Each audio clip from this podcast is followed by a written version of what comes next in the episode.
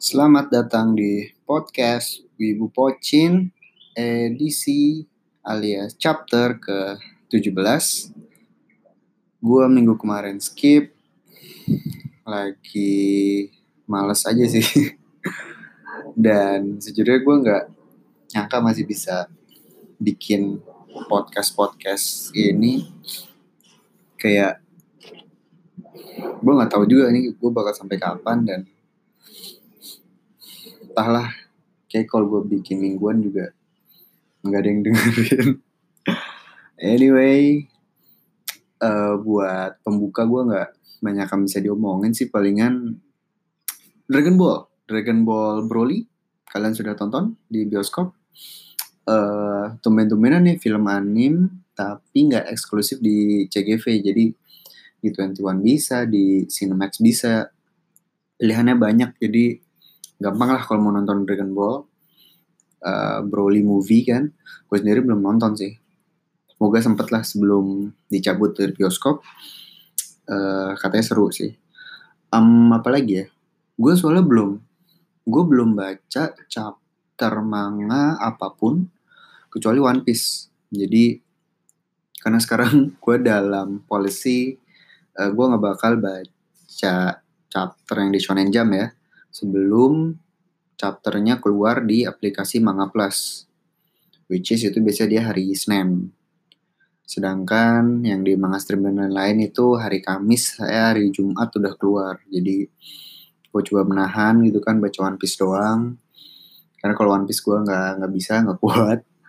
Jadi gue nggak tahu deh itu Promise Neverland gimana, Doctor Stone, Boku no Hero. Ya, jadi I have nothing to say. Chapter ini kita bakal ngomongin One Piece aja, 934. Dan ya, yeah, that's it. Please enjoy One Piece chapter 934.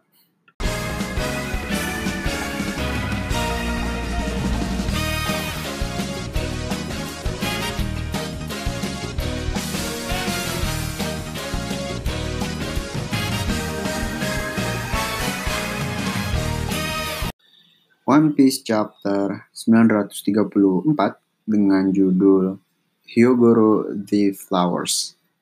Now, gue kelewatan untuk membahas chapter 933. Uh, kita langsung bahas 934. Tapi mungkin kalau mau cari apa ya hal-hal uh, yang noteworthy tentang atau dari One Piece 933 tentunya yang pertama adalah uh, reveal dari buah iblis Orochi yang mestinya udah memang udah ketebak bahwa itu adalah buah Zoan mythical. Tapi by in detailnya itu adalah buah uh, ular heavy heavy seperti yang dimiliki oleh adiknya buah Hancock buah Zuan Hebi Hebi cuman modelnya uh, emang literally Yamata no Orochi yaitu salah satu hewan mythical di Jepang yang sangat terkenal. Dan gue udah pernah membahas ini sebelumnya. Uh, waktu itu with assumption bahwa memang dia based on Yamata no Orochi tapi ini emang benar gitu jadi it's confirmed. Um, chapter ini sendiri menarik mungkin Orochi itu nggak dia nggak berani uh, menghajar Komurasaki sendiri gitu karena dia kayaknya emang sayang gitu kan. Uh, ada juga Brook di sini yang menakut-nakutin. Ini sebenarnya ada reference ke sebuah jadi the, the starving skeleton itu memang salah satu ini sih uh, mitos di Jepang. Uh, dan itu emang literally hantu tengkorak raksasa kayak yang Brook lakukan gitu. Jadi itulah kenapa uh, Oniwa Banjunya pada takut semua. Um, terus um, yang penting lagi adalah perusuh banget nih karena Nami Brook semuanya ngerusuh Shinobi juga dan the talking point of the chapter tentunya adalah Kyoshiro yang tanpa ampun menebas Komurasaki uh, ini benar-benar surprising. Like it came out of nowhere. Tiba-tiba aja terjadi dan sekali lagi it's it's really surprising. Kyoshiro bahkan setelah melakukan itu dia tersenyum. Komurasaki juga well di berita sih udah kayak confirm bahwa dia telah meninggal gitu kan. Uh, dan di chapter 934 juga di kayak disebarkan dalam berita koran. Uh, nasib Kyoshiro sendiri juga tidak jelas gitu. Karena ya biologik dia bakal dihukum sama Orochi sih. Cuman Kyoshiro sendiri bilang bahwa ini adalah sebuah hukum yang tidak terbantahkan di negara Wano bahwa kalau lu menentang perintah dari seorang shogun, lu harus dihukum, harus dibunuh gitu. Dan that's why Kyoshiro did it. Cuman tetap aja sih shit. It's crazy dan membuktikan bahwa dia I think he's the joker of this arc.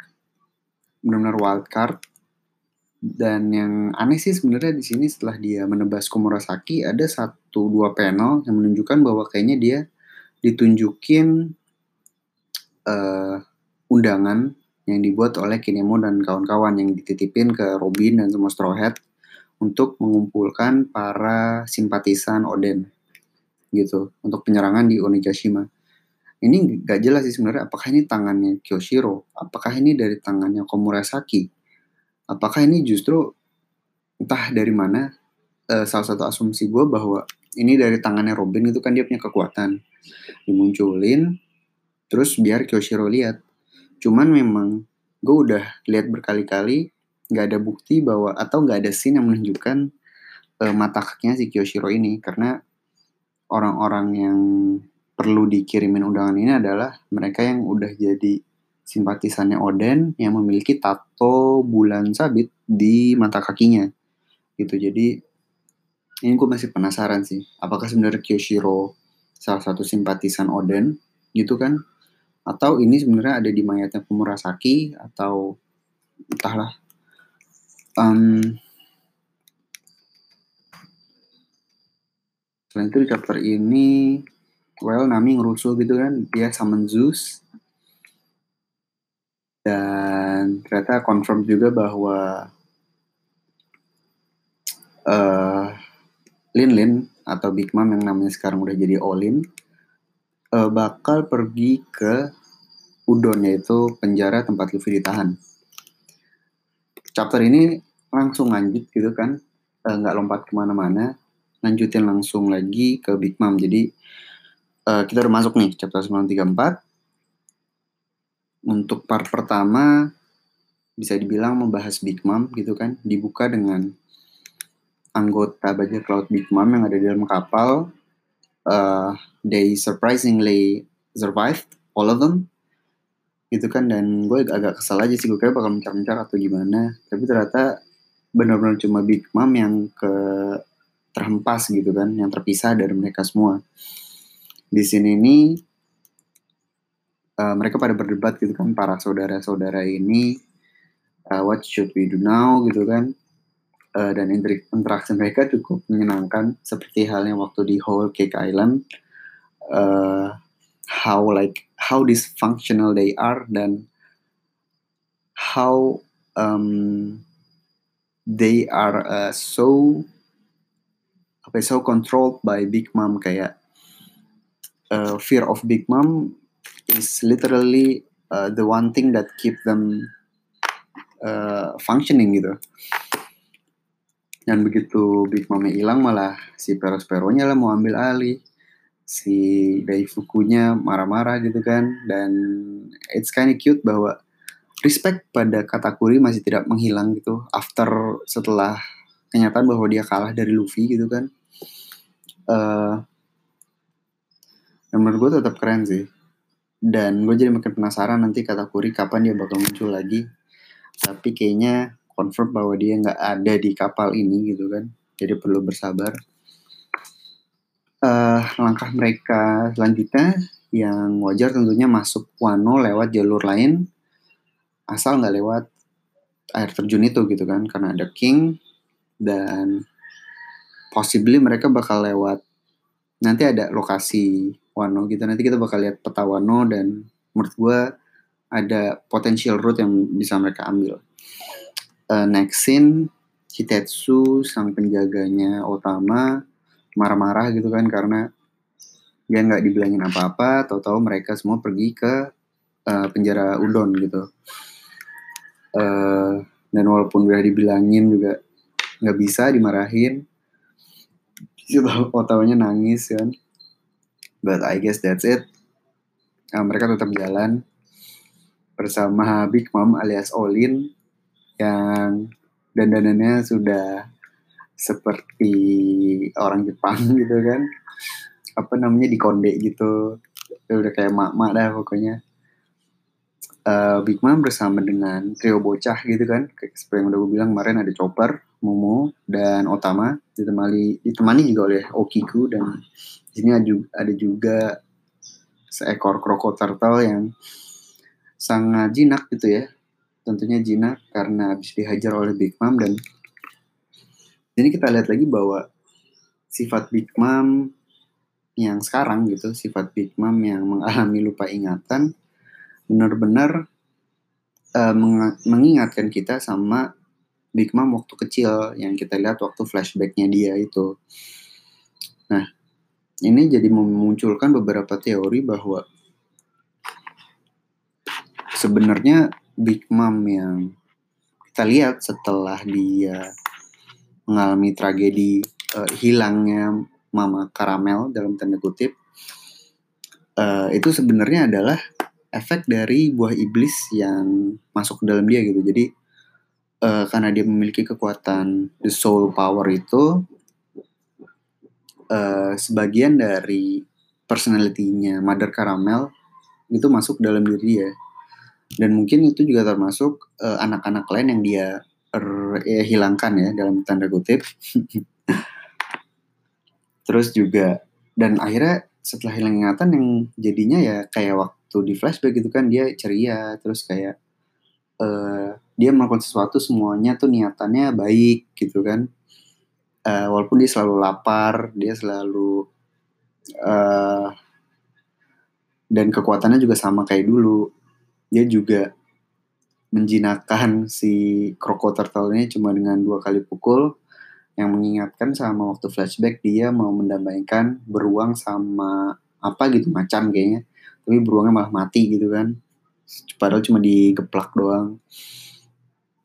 Jadi ini gue penasaran sih begitu nanti ingatannya pulih bakal kayak gimana dan apakah bakal ada trade yang menarik gitu dari Big Mom versi hilang ingatan ini nantinya um, sini juga ada jokes yang menarik bahwa Big Mom selalu kelaparan kalau ngelihat Chopper.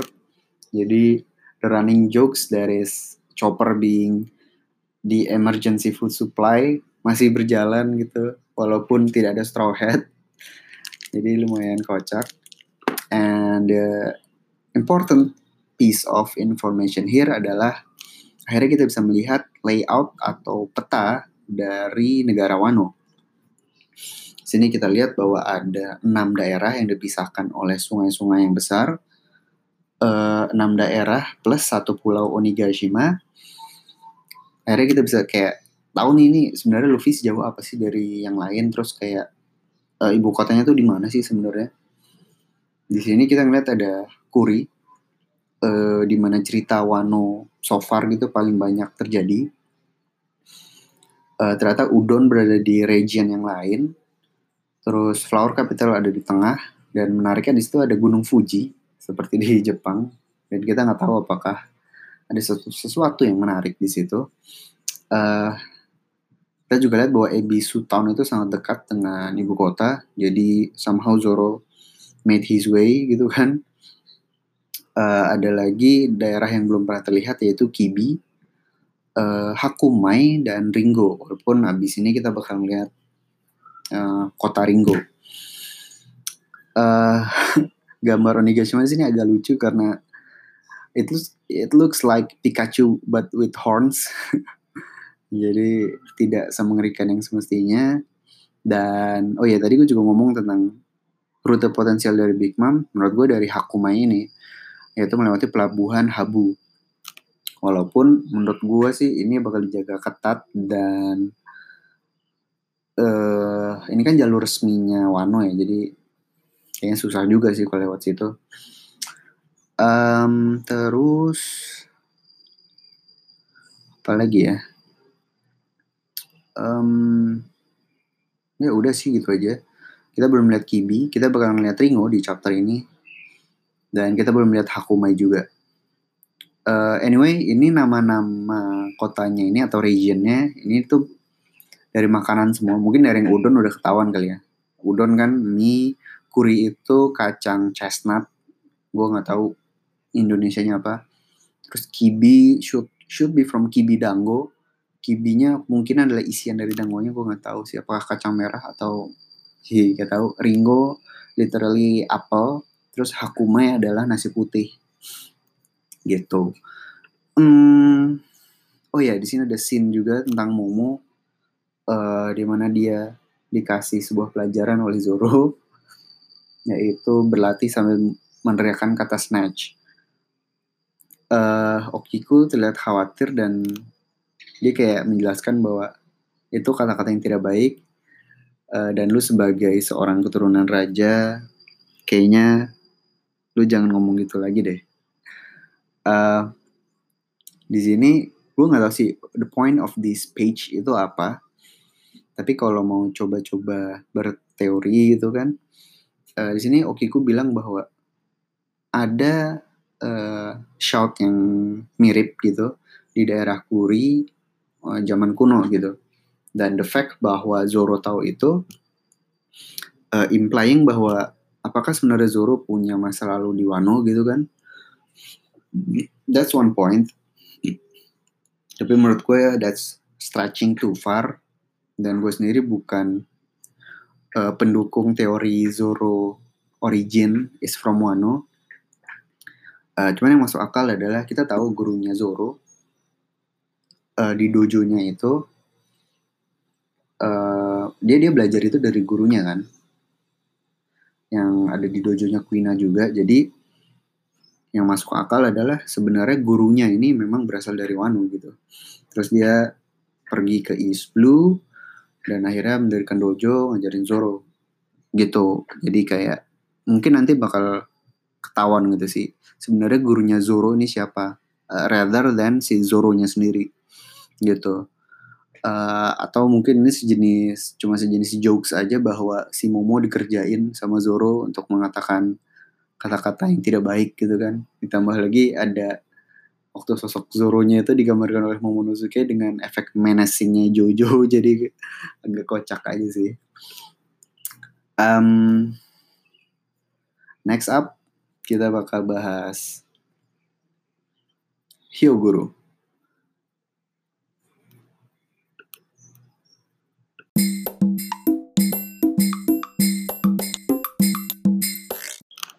Oke, part 2 kita bakal ngomongin. Tadi gue ngomongin Hyogoro padahal belum nyampe situ. Uh, sekarang kita bakal lihat dulu tentang keadaan para Straw Hats gitu.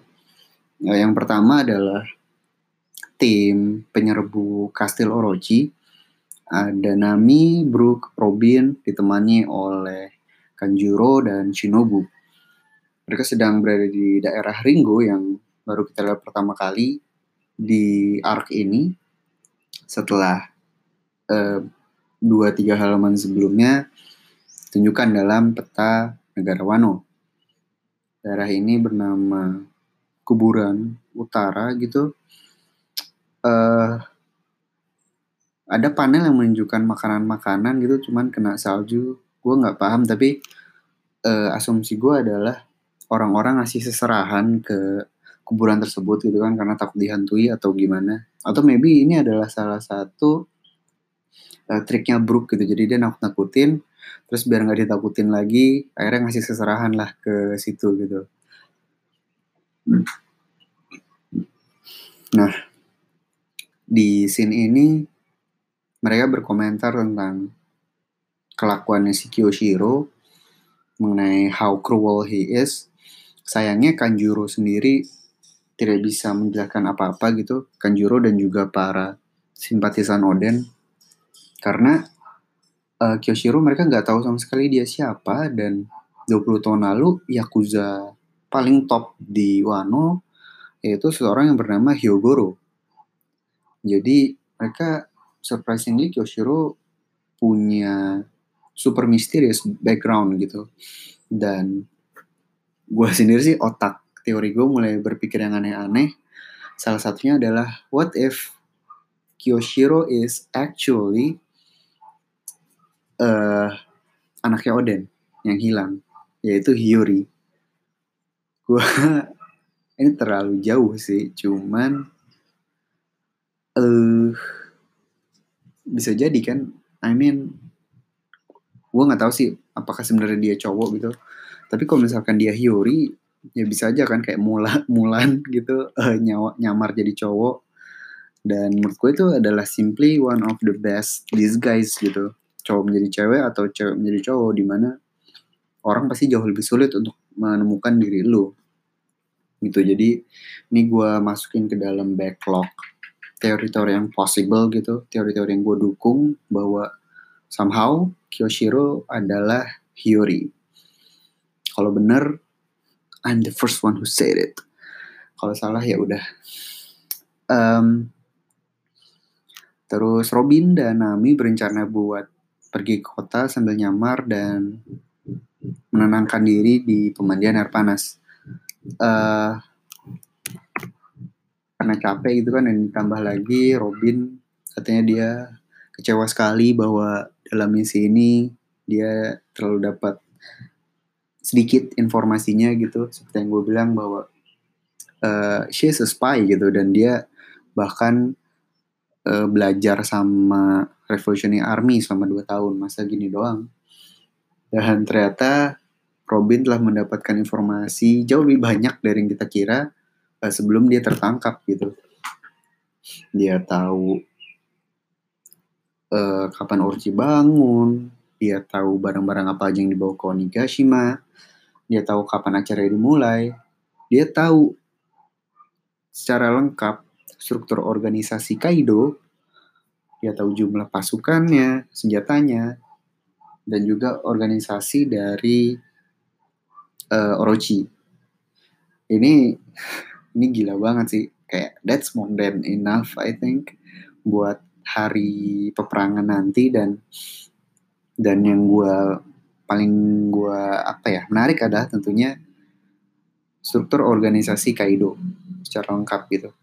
Jadi nanti I assume bahwa nanti kalau lagi ada Robin dan ada anggota Kaido yang muncul itu kan tiba-tiba nanti dia, dia bakal menjelaskan kayak oh dia tuh gini gini gini atau nanti gue yakin bakal ada chapter kayak setup gitu untuk build up sebelum penyerangannya aliansi Luffy ini ya nanti bakal ada gue yakin sih bakal ada kayak si Robin bakal nunjukin. Jadi bosnya tuh kayak dulu di siapa siapa siapa. Gue yakin itu ada dan gue penasaran banget sih karena kemarin kan waktu Whole Cake Island kita tahu anak-anaknya Big Mom secara lengkap tapi strukturnya masih belum jelas gitu.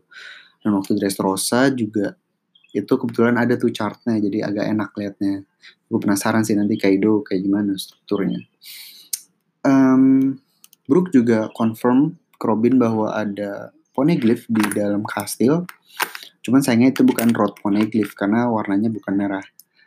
Uh, Robin sendiri ternyata asumsi dia memang bahwa rod poneglyph ada yang adanya di Onigashima jadi oke okay, that's fine gitu.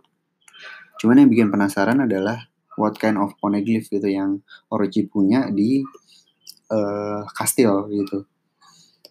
Hmm, tapi kita semua kan udah tahu bahwa origin of poneglyph itu dari Wano. Jadi ada kemungkinan bahwa ini simply warisan dari Oden mungkin atau shogun yang sebelumnya dan mungkin aja nggak ada hubungannya sama uh, sejarah dunia gitu. Gitu sih menurut gue kayak ya B aja isinya tapi signifikan buat negara Wano gitu. Uh, Terus Brook juga bilang bahwa poneglyphnya dijaga dengan ketat dan ada banyak boneka-boneka kayu di sekitarnya. uh, Shinobu bilang bahwa itu adalah boneka Kokeshi dan tentu aja gue langsung googling Kokeshi itu adalah boneka kayu ya literally boneka kayu yang gue gak susah menggambarkannya sih dan ini bukan sesuatu yang umum gitu sih di anime atau manga mungkin hal yang pernah ini gue pernah lihat di Chibi Maroko Chan sih kayaknya. Jadi boneka yang dia ada kepala sama badan tapi nggak ada tangan sama kakinya. Jadi kayak kayak pin bowling sih menurut gue pin bowling cuman yang bagian badannya dilukis gitu jadi kayak ada pakai baju terus bagian palanya digambarin muka terus kayak ditambahin wig rambut-rambut gitu. Gitu. Uh, asumsi gue adalah ini salah satu kekuatan buah iblisnya nggak tahu siapa apakah itu anak buahnya Orochi atau anak buahnya Kaido oke okay. uh, scene berikutnya pindah lagi ke ibu kota di mana kabar kematian Komurasaki disebarkan gitu lewat berita, lewat koran. Banyak orang yang bersedih. Info bahwa uh, dia meninggal, info bahwa Kyoshiro yang membunuhnya, info bahwa uh, kerusuhan yang dibuat oleh Nami dan Brook gitu, info tentang hantu dan uh, petir gitu juga ada, komplit gitu kan. Tapi sekali lagi gue nggak nemu, sayangnya kayak belum confirm bahwa apakah ini matinya ya namanya berita kan suka-suka ya. Mungkin Orochi pengen menyembunyikan sesuatu gitu kan. Dan apakah fakta bahwa Kyoshiro diberitakan bahwa Kyoshiro yang melakukan pembunuhan ini apakah dia dihukum atau gimana sama Orochi? Kita masih nggak tahu. Uh, dan that's it gitu dari Flower Capital kita pindah ke kota Ebisu yang dibuka dengan adegan Sanji menangis terhadap kematian Komurasaki yang padahal dia baru ketemu sekali. Nah, kota Ibisu ini adalah kota di mana Zoro nyampe kan. Cuman anehnya mereka masih belum ketemu Zoro di sini. Mestinya sih ketemu ya, kecuali Zoro nyasar lagi. Uh, jadi mestinya mereka bentar lagi uh, reuni lah gitu. Cuman mana ada Zoro entahlah. So I assume chapter depan mestinya bakal ada Zoro sih. Yang mestinya bakal ketemu sama Sanji dan kawan-kawan. Ngomong-ngomong di Ibisu, kota Ibisu ini ada Lau, Sanji, Usopp, dan Frankie. Di sini Sanji udah udah lolos gitu dari si Pechuan dan gue kesel sih. Tapi sesuai masih udah sesuai dugaan gue bahwa fight antara Sanji dan Pechuan uh, di off screen alias tidak digambarkan secara langsung kita cuma, cuma bisa assume bahwa Sanji menang karena dia tidak ada luka satupun dan dia juga masih megang uh, raid suitnya Scarlet Black eh stealth stealth black uh,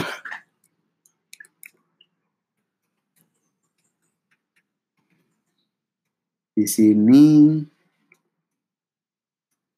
yang menarik adalah joke dari Sanji bahwa setiap kalimatnya dia dibuka dengan pemandian perempuan. Hei, lu ada berita tentang Luffy? Pemandian perempuan. Kit ada di Wano. Dan anjir ini eh, kocak banget lah dan gue sendiri uh, menurut gue hal yang akan terjadi selanjutnya adalah Sanji pergi ke pemandian perempuan di Capital dan yang terjadi adalah dia bakal ketemu Robin dan Nami, di mana Sanji bakal dihajar habis-habisan. Like, that's it. Gue ya, gue yakin kalau emang Sanji beneran mencari pemandian umum, dia bakal ketemu Robin dan Nami. Terus bakal dihajar. Dan mungkin the next development adalah raid suitnya Sanji bakal disita oleh Nami atau Robin. Uh, jadi ya sadly kemampuan itu tidak bakal dipakai sampai nanti ada big fight di mana baru Nami ngasih lagi ke Sanji gitu. Menurut gue itu it's a very possible future development gitu dari Sanji. Walaupun ya raid suitnya nggak super mega strong, kalau misalkan uh, overpowered gitu gue yakin itu hal yang sangat wajar untuk terjadi gitu. Jadi bahwa uh, cuma dalam keadaan tertentu doang Sanji bakal menggunakan kemampuan raid suit gitu. Nah, di sini Lau sendiri memberitakan bahwa habis baca-baca koran, selain kematian Komurasaki dia juga bilang uh, bahwa ternyata nggak ada berita Luffy tapi ternyata Kid berhasil kabur dari penjara gitu. Which is surprising karena gue pikir mereka bakal dia bakal kabur barengan sama Luffy gitu. Uh,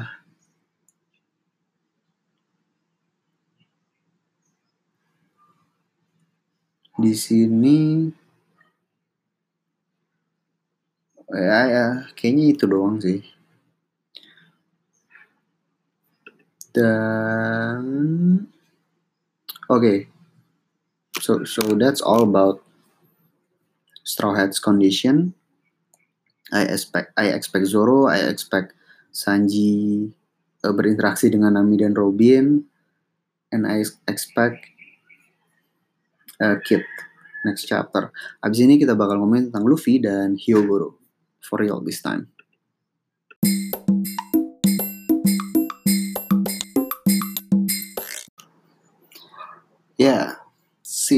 Berikutnya. Empat halaman terakhir dari chapter 934 menceritakan keadaan di penjara Udon. Um, akhirnya kita balik lagi ke Luffy gitu. Tapi sayangnya udah nggak ada Kid karena memang confirm bahwa dia berhasil kabur dari penjara. Uh, walaupun uh, batu lautnya, uh, borgol batu lautnya belum lepas gitu. Jadi somehow dia bisa kabur, tapi tanpa batu laut, eh tapi dengan borgol batu laut, he can too much gitu.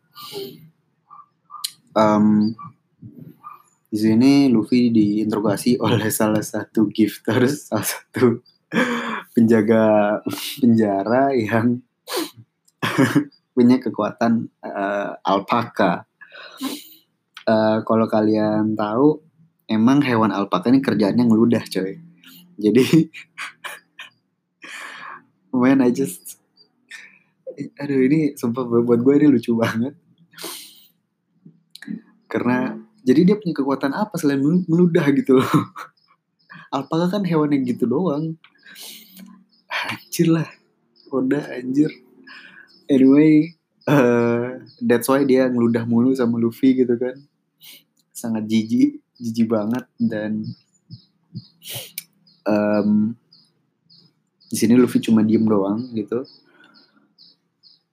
Gue sih merasa bahwa itu nanti aja deh kayak ada bukti yang lebih kuat sih nanti. Anyway, Luffy lagi dikerjain gitu sama si Alpaka. Meanwhile, si kakek